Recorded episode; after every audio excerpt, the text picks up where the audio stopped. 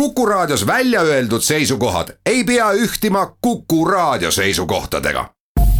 Te kuulate Kuku Raadiot.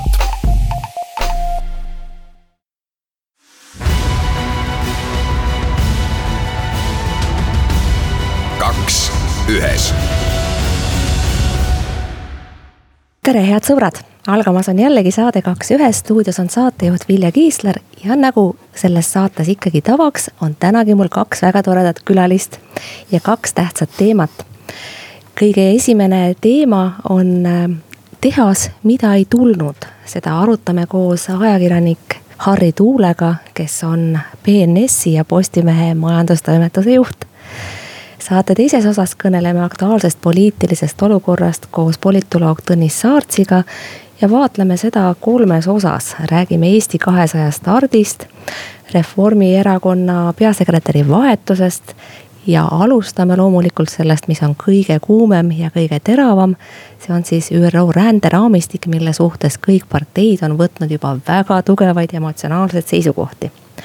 aga praegu ja kohe nüüd arutame tehasest, mida ei tulnud, jutt käib siis tselluloositehasest koos Harri Tuulega mis on siis uudiste taust iseenesest, ähm, Aadu Polli ja Margu Kuskohava ettevõtjad, kes seda ettevõtmist vedasid, pidid kuulma valitsuse käest otsust eelmisel nädalal, et miljarditehase rajamiseks algatatud eriplaneering on lõpetatud. ja ettevõtjad ise teatasid selle peale, et panevad siis projekti esialgu sahtlisse aga mitte siis viimasesse või kuhugi mõnesse tolmunud sahtlisse, vaid ülemise sahtli ülemisele riiulile. mulle tundub, Harri, et ettevõtjate pettumus oli eh, väga suur ja inimlikult mu meelest on see ka igapidi arusaadav. iseenesest eriplaneeringu algatamine nii suurte projektide puhul tundub ühest küljest vältimatu, teisest küljest sõitis see jällegi üle maakondade, valdade, kohalike elanike, kogukondade ootustest. ja neile tekkis selline tunne, et nende tahtmiste, tõekspidamiste ja veendumustega ei arvestata sugugi ma ei nõustu sinuga täielikult selles mõttes, et see tunne tekkis täpselt on arusaamatu, mille põhjal, et selgelt saab välja tuua ju ainult selle Tartu vastuseisu, mis, mille põhjendused olid pigem stiilis, et meil on siin Tartu vaim ja meil on ülikool ja, ja, ja siia kõrvale äh, selline innovatiivne tehas äh, kuidagi ei sobi. Et, et tei-, teised vallad olid ka väga paljud, noh näiteks Valga oli ju ka alguses juba huviline, aga see, nende puhul öeldi lihtsalt selgelt välja, et, et seal ei ole piisavalt kriteeriume, mis täidaks selle tehase nõudmisi nagu vett, transport ja, ja, ja puidu ütleme siis äh, lähedus. ja, ja nagu me nägime ka hiljem äh,, siis äh, erinevad vallad nii Virumaalt kui ka Pärnumaalt tundsid ju tegelikult äh, tõepoolest selle vastu huvi, et, et see mittearvestamine äh, noh, ma ei tea, mulle tundub see pigem selline nii-öelda müüt et see ei ole sugugi antud... sellepärast et tegelikult kõik algas ju ikkagi Tartumaalt. tehase rajajad valisid selle koha välja kui kõige sobivama. ja, ja, no, ja see mõte. ainult loogiline, et äh, kõigepealt loogiline. pakutaksegi välja see koht, mis on nii-öelda kõige äh, mõistlikum või kõige parem ja teiste valdade huvi tekkis alles siis, kui oli avalikus ruumis enam-vähem selgeks saanud, et Tartumaale seda rajada ei saa elanike olulise vastuseisu tõttu. ja, ja aga minu, minu väide ongi selles, et selline noh, see ongi normaalne, et kui me arutame näiteks, et ühte kohta ei sobi, siis me vaatame teist kohta, et kui kõige parem koht langeb ära, eks ole. et on selge, noh loomulikult võib väita, et, äh, et nad oleks võinud kohe öelda, et see on kõige parem koht ja see ja teised kohad ei sobi. samas, äh, kui nad oleks öelnud, et ainult see sobib ja siis oleks öelnud, aga võib-olla sobib see, siis oleks jälle nagu valesti olnud, et. et ütleme, sellist väga sellist sellist õiget varianti, kus sa tead kõiki stsenaariume ette ei olegi, et. et minu arust on vastupidi loogiline, et vaidleme läbi näiteks selle, et sinna me ei soovi ühte kohta, näiteks Tartu lähedal me ei soovi. küll aga äh, vaatame siis järgmisi kohti, et samamoodi, et kui inimene teeb oma plaane, et tal on plaan A ma ei tea, ideaalne, kõik läheb hästi.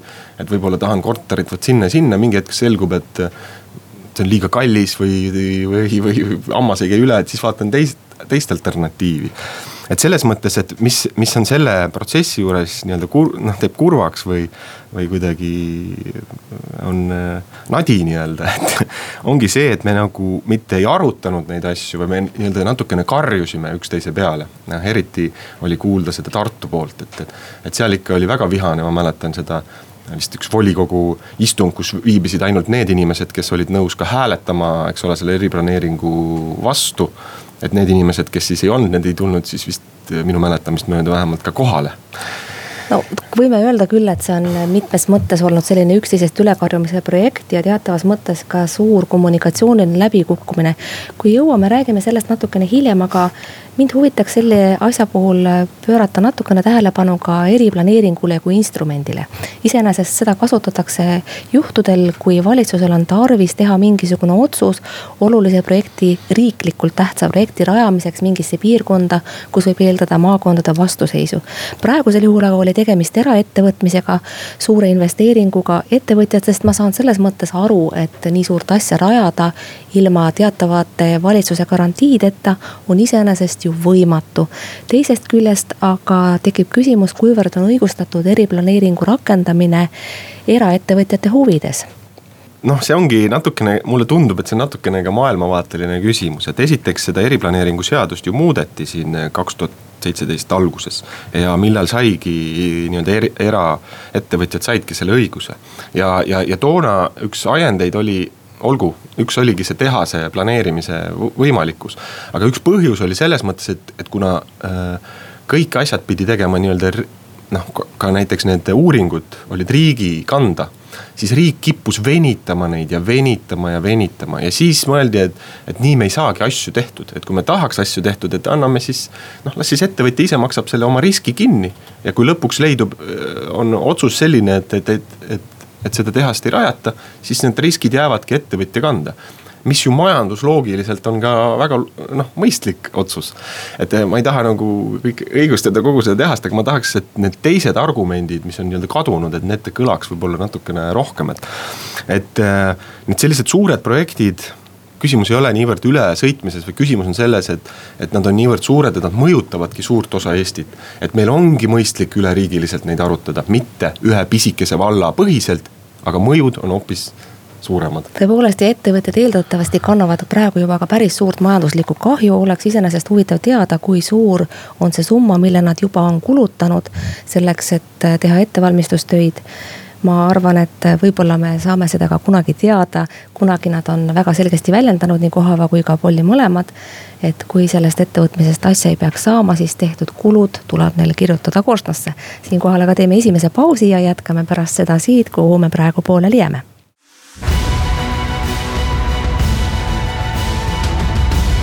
kaks ühes kaks ühes läheb siit kohalt edasi koos Vilja Kiisleri ja Harri Tuulega. arutasime selle üle saate kõige esimeses osas, mida tähendab Eestile see, et väga palju räägitud tselluloositehast Eestisse ei tule, vähemasti mitte praegusel kujul. sest valitsus lõpetas selle rajamiseks algatatud eriplaneeringu ja ettevõtjad on arusaadavasti pettunud, eeldatavasti kannavad ka päris olulisi kulusid. kõnelesime ka sellest, missugune ähm, roll võiks olla eriplaneeringul kui instrumendil ja millal oleks õigustatud seda rakendada.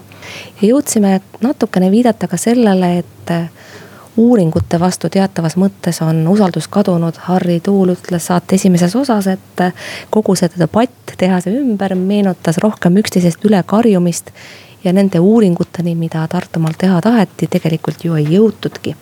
uuringutega minu meelest on kummaline asi see on äh, üks teatav selline viis avalikus äh, ruumis tõestada mingisuguseid väiteid, milles on sageli tegelikult ka enne uuringu tegemist juba kokku lepitud. ja noh, loomulikult ei ole see alati nii, parimal juhul võiks olla uuring midagi säärast, mis esitab küsimuse ja siis saab vastuse, ilma et me ette teaksime, missugune see on, aga mulle tundub, et äh, seesama tehase rajamise protsess on olnud üks näide sellest, kuidas uuringuid ei taheta teha, sest juba ette on olemas veendumus, et see, kes uuringute eest maksab, see, kes nad tellib, selle järgi siis seatakse ka tulemus. ehk kes maksab muusika eest, see saab ka soovitud tulemuse. kohe tahaks äh, lahutada kahte sorti uuringud on minu arust, ühed on sellised noh ütleme, sotsiaalkäitumuslikud uuringud, kus me, kus me küsimusega juba saame seda tulemust mõjutada. aga teine on, eks ole, meil on, eks ole, keskkonna puhul on näiteks mingid standardid ju. näiteks, et vot, kui ma mõõdan ära, et vot vette läheb vot nii palju asju, siis on okei okay, ja kui läheb natukene rohkem, siis on halvasti.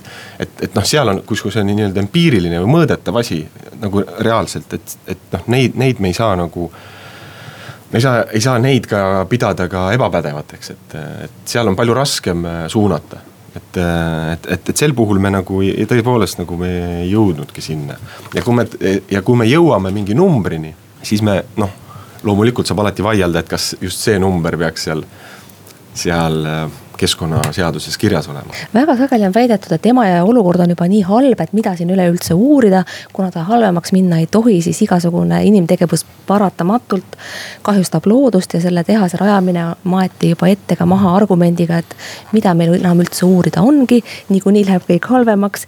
see iseenesest näitab ka seda avaliku debati taset ja noh, kaudselt jällegi ka sedasama suhtumist uuringutesse, millesse ma viit-, millele ma viitasin jah, et eks oli ka teistsuguseid hinnanguid, et ilmselt just need jäid eh, nii-öelda kõlama.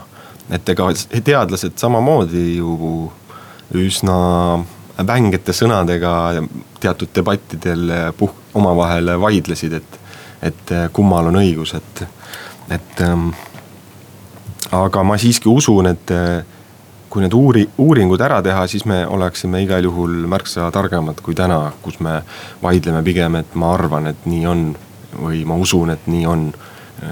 sellega on, on raske vaielda aga vaatame nüüd selles äh, teemas veel ka kahte aspekti, ühelt poolt on siis tegemist ikkagi ka poliitiliselt laetud projektiga.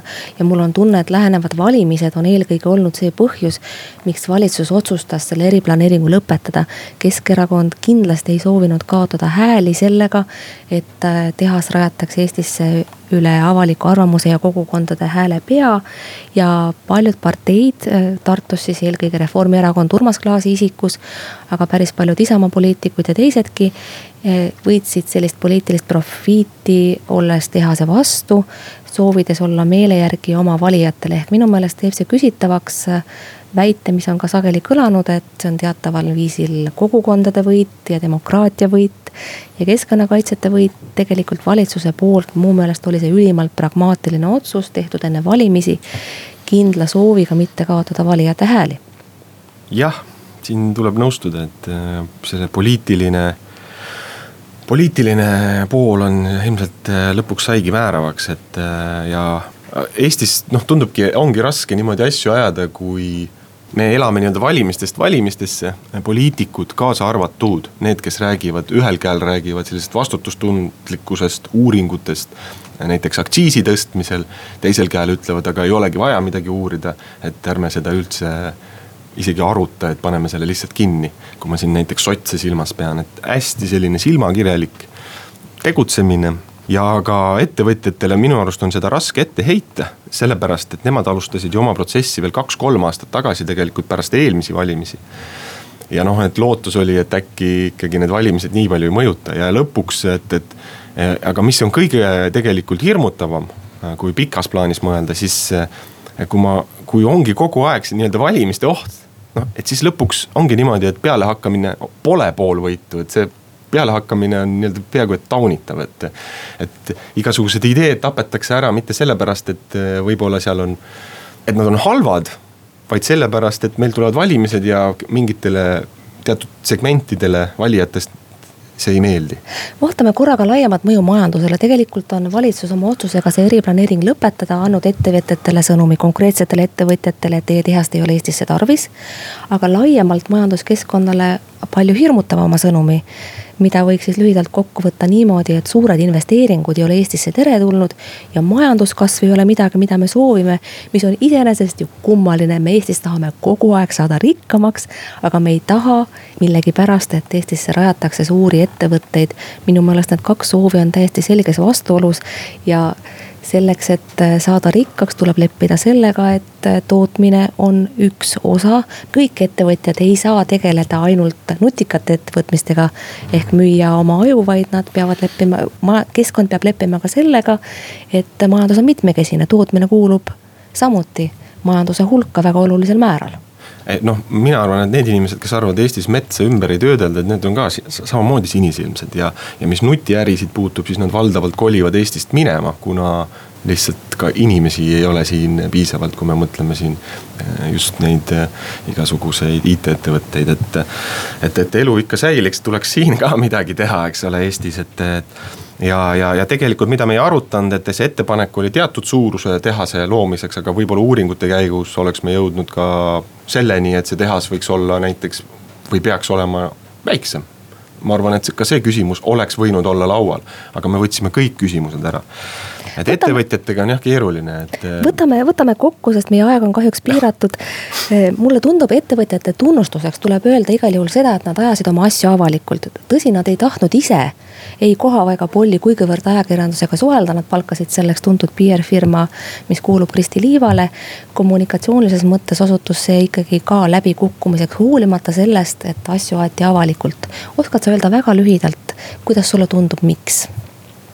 Sellele on raske vastata, et mulle, mulle tundub, et, et me, me, meile me antud juhul või, või tegelikult seda ma olen täheldanud ka varem, et, et kui, et me see, mis on hambus, et seda on hea nagu närida, et. et see, mida me ei näe, et ega seda me nagu, sellest me väga ka ei hooli, et väga paljud projektid on ju tehtud nii, et. ei ole tehtud avalikult ja järsku avastame, et kusagile on midagi tehtud, et samamoodi noh. ma lihtsalt toon ühe näite, et alati on hambus Eesti Energia, kes on selline avalik firma, riigifirma. ükskõik, mis nad teevad, nad saavad põhimõtteliselt kriitikat nende konkurendid tihtilugu teevad vaikselt asju, mida, mille, millele me tähelepanu ei pööra. aga vähemasti ei taha me seda jutuajamist kokku võtta soovitusega, et ajage oma asju salaja või varjatult. ei, pigem ajage ikka avalikult. kostub sealt läbi. hästi, head sõbrad, teeme siinkohal jällegi pausi ja tuleme tagasi siis juba teise teemaga, aitäh, Harri Tuul.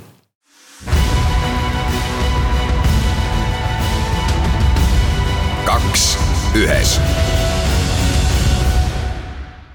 head sõbrad, saade Kaks ühes Vilja Kiisleri juhtimisel läheb siitkohalt edasi, aga teemat vahetame nüüd ja vahetunud on ka külaline stuudios Tõnis Saarts, tere tulemast. tere tulemast. politoloog Tõnis Saartsiga alustame sellest, mis praegu on kõige kuumem, kõige emotsionaalsem ja kirgikütvam teema. see on ÜRO ränderaamistik. seda lepet või raamistikku või kompakti on eesti keelde tõlgitud väga mitmel moel.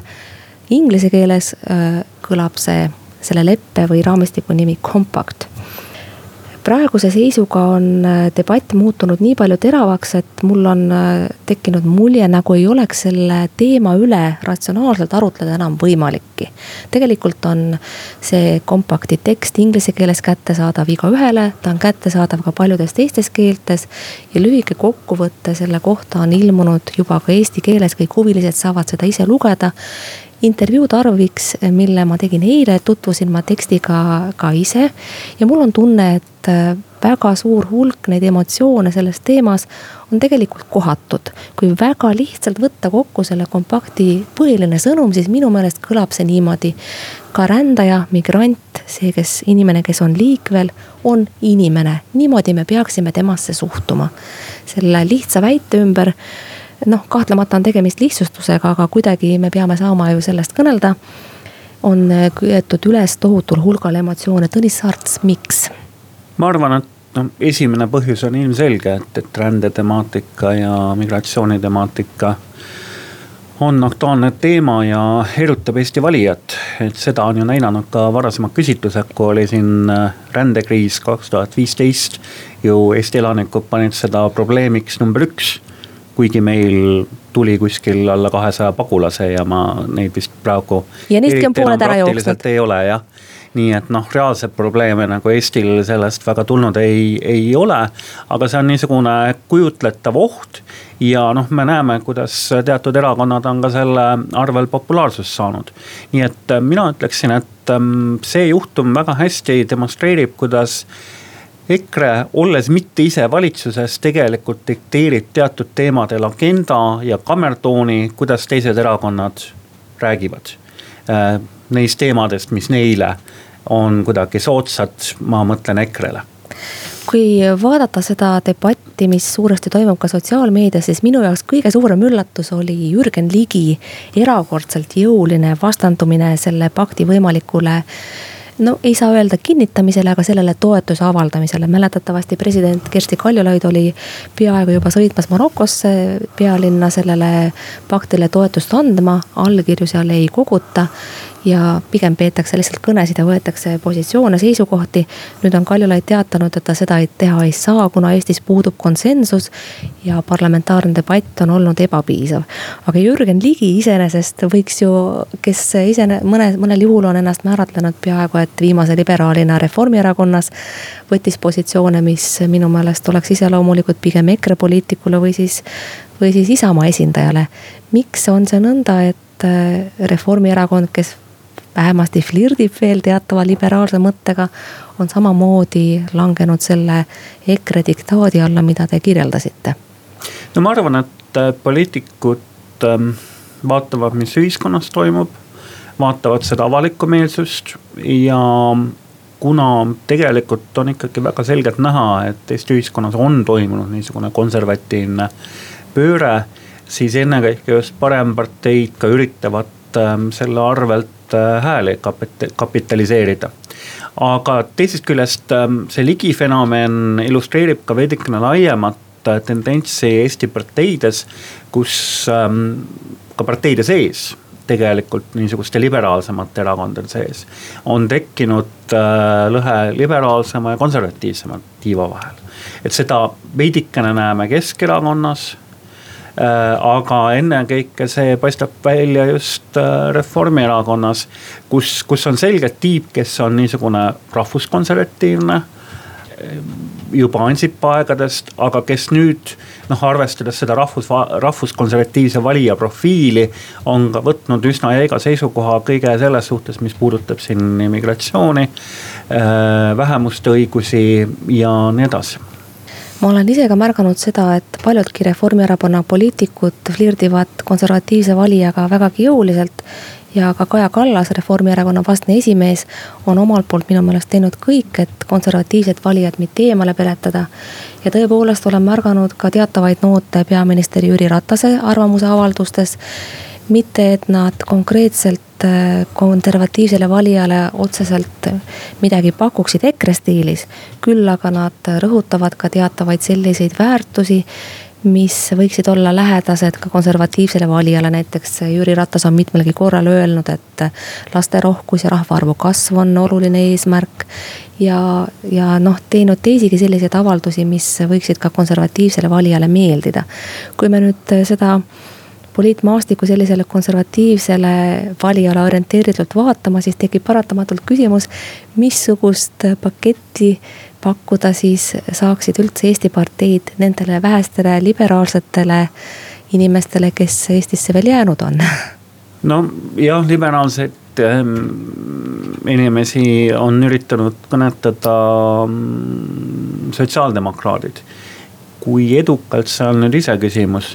noh, kindlasti mingil moel ka Reformierakond ja tegelikult meil liberaalsesse nišši on tulnud üks uus erakond, millest me ilmselt räägime, see on Eesti kakssada. ja minu meelest see on päris, päris äh, märgiline nüüd, kui hästi või halvasti Eesti kahesajal võiks minna. arvestades nende väga selgelt liberaalset positsiooni. et minu meelest Eesti kakssada puhul me nüüd küll ei saa äh, rääkida sellest, et pool neist on kuidagi EKRE paadis ja ülejäänud on nagu liberaalses paadis. vähemalt täna küll mitte. Eesti kakssada tõepoolest on ainsana öelnud ka, et nad EKRE-ga koostöö välistavad, see on midagi, mida ei ole teinud ükski teine erakond. suured erakonnad enne valimisi on kõik öelnud, et valimistulemuse põhjal nad otsustavad, kellega koostööd teha ja EKRE-le iseenesest on muidugi üsnagi jõuliselt vastandunud ka sotsiaaldemokraadid, kellega sellesama rändedebati käigus on jällegi juhtunud see, et nende hääl jääb kuidagi väga vaikseks. Sven Mikser on välisministrina praegu ainsana mu meelest sedasama rändelepet püüdnud põhjendada ja õigustada, aga mulle ei tundu küll ühelgi, üheski aspektis, et tema hääl sellest debatist kandvaks jääks ja kui ennustada, mismoodi selle rändeleppe toetamisega läheb, siis ma kahtlustan siin konservatiivsete erakondade hääl jääb kindlasti peale, mitte Mikseri, mitte sotsiaaldemokraatide oma jah, ilmselt niiviisi läheb, noh, sotsiaaldemokraadid on üldse praegu väga ettevaatlikud, sellepärast et on näha, et niisugune väga tugev ähm, EKRE-le vastandumine ja, ja väga jõuline liberaalsete väärtuste ähm, kilbile tõstmine ei ole neile väga suurt populaarsust toonud ja sellepärast nad hoiavad ka madalat profiili. hästi, aga vaatame siis äh, seda, missugune mõte või tulevik võiks olla nendel inimestel, kes tahaksid valida liberaalseid erakondi. ja juba oligi meil mm, viide sellele, et Eesti kakssada võiks olla see, kes kõneldab, kõnetab liberaalsemat valijat. Kaja Kallas mõnes mõttes Reformierakonna juhina on siin teatavas mõttes kahvlis tema perekonnanime kandev Kristina Kallas, aga mõnevõrra vabamate kätega, sest ta on uus poliitikasse tulija ja teda ei seo suure erakonna juhi kammitsad nagu Kaja Kallast. räägime Eesti kahesajaga seotud teemadest täpsemalt Tõnis Saartsiga pärast seda, kui oleme ära kuulanud reklaamid, mis on mõeldud siia saate vahele panna.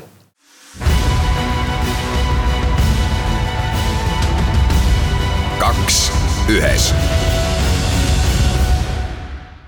head sõbrad, algamas on saate Kaks ühes viimane osa koos Tõnis Saartsiga, kus analüüsime seekord aktuaalseid poliitilisi küsimusi. ja enne reklaamipausi suutsime sõnastada ka siis selle agenda, millest tahaksime viimases äh, neljandikus kõnelda.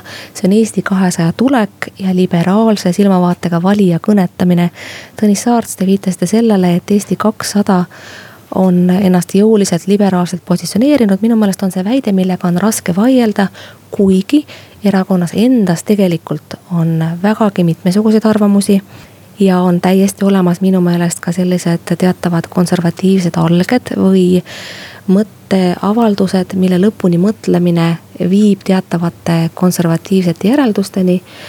aga ja võib-olla oleks erakond hoopis teist nägu, kui erakonna juhiks oleks saanud näiteks Priit Alamäe või mõni teine vähem tuntud figuur, kes erakonna loomise juures oli.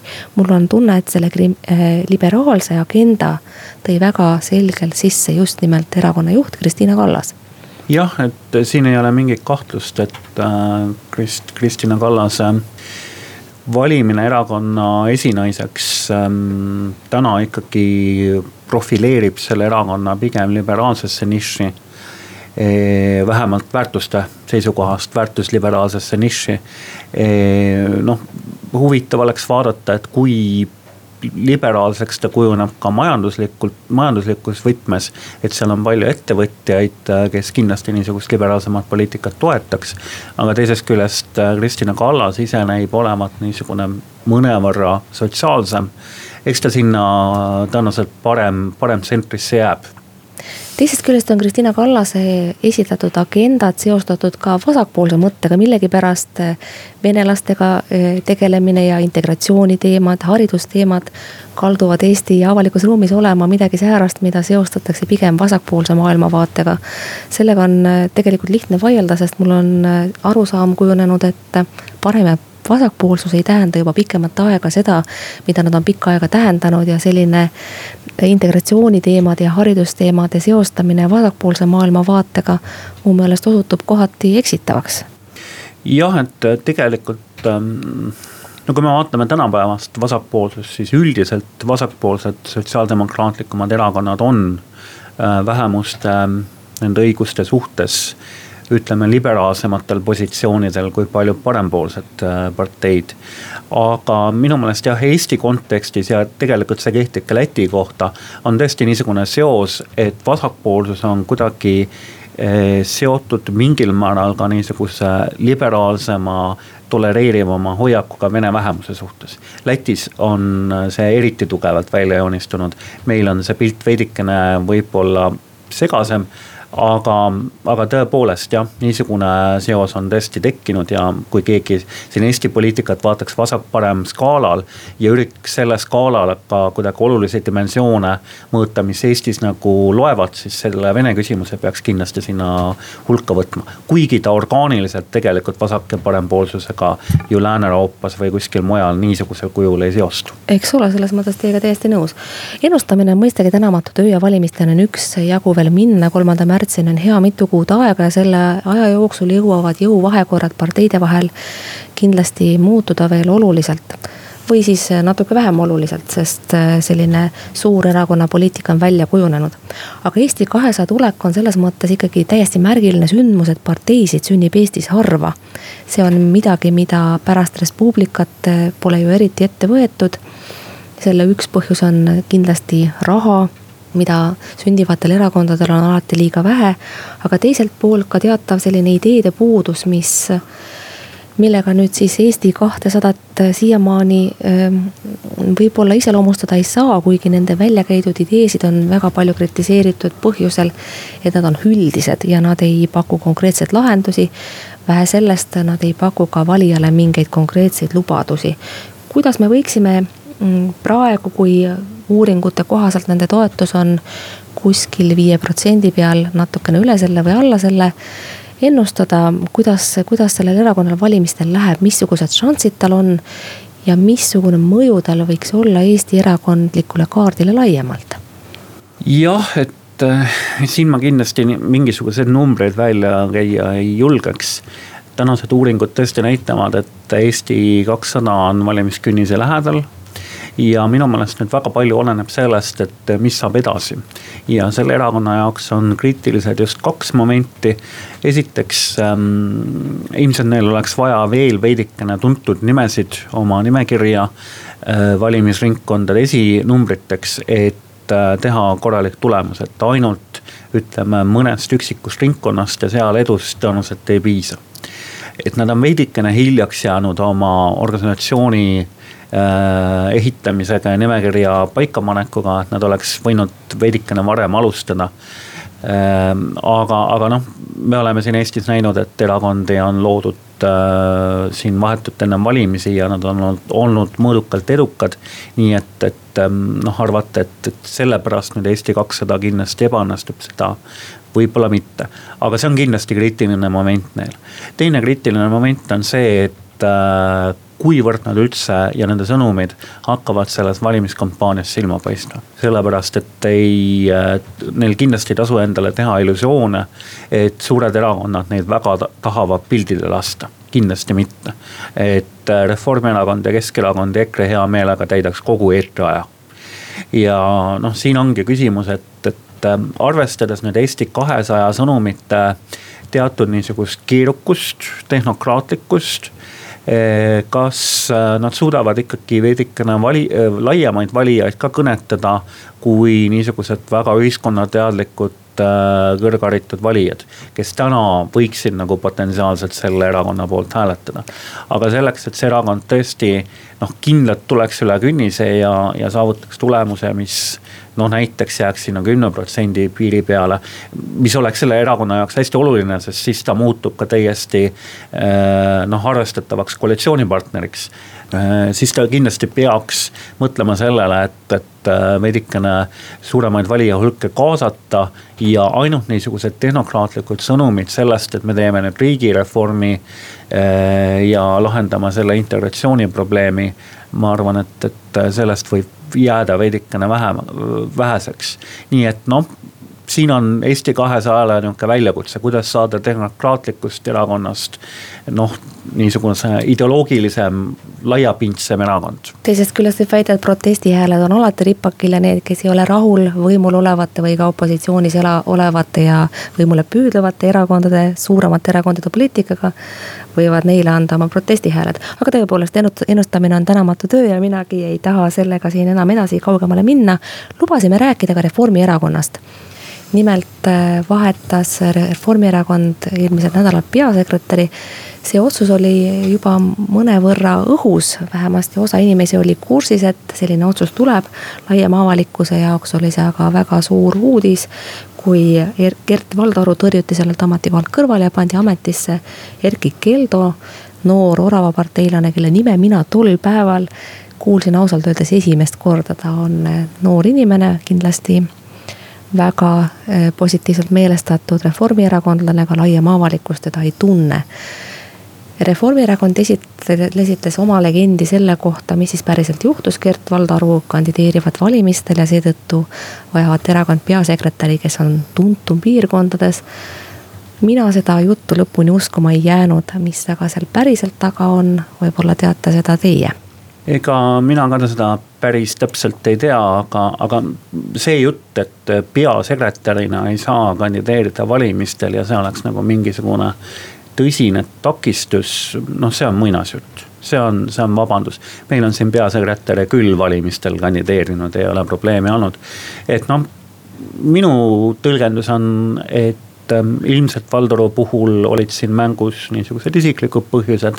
ta lihtsalt sai aru, et see töö on tõesti liiga väljakutsuv. võib-olla tema jaoks, arvestades, et ta on ka poliitikaväline inimene, ta ei ole olnud Reformierakonnas.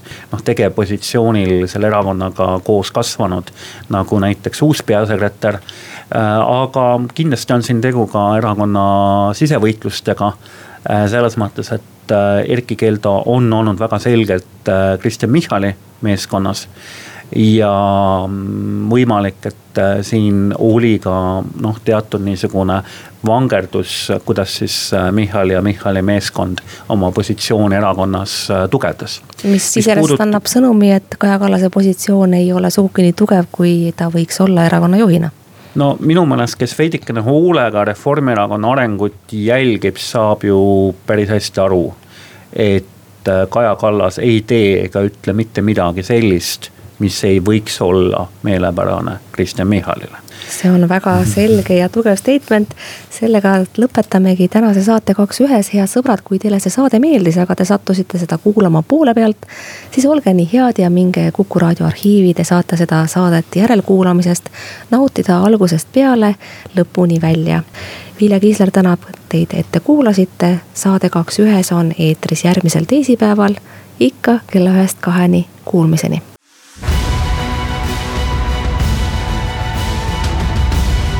Kaks ühes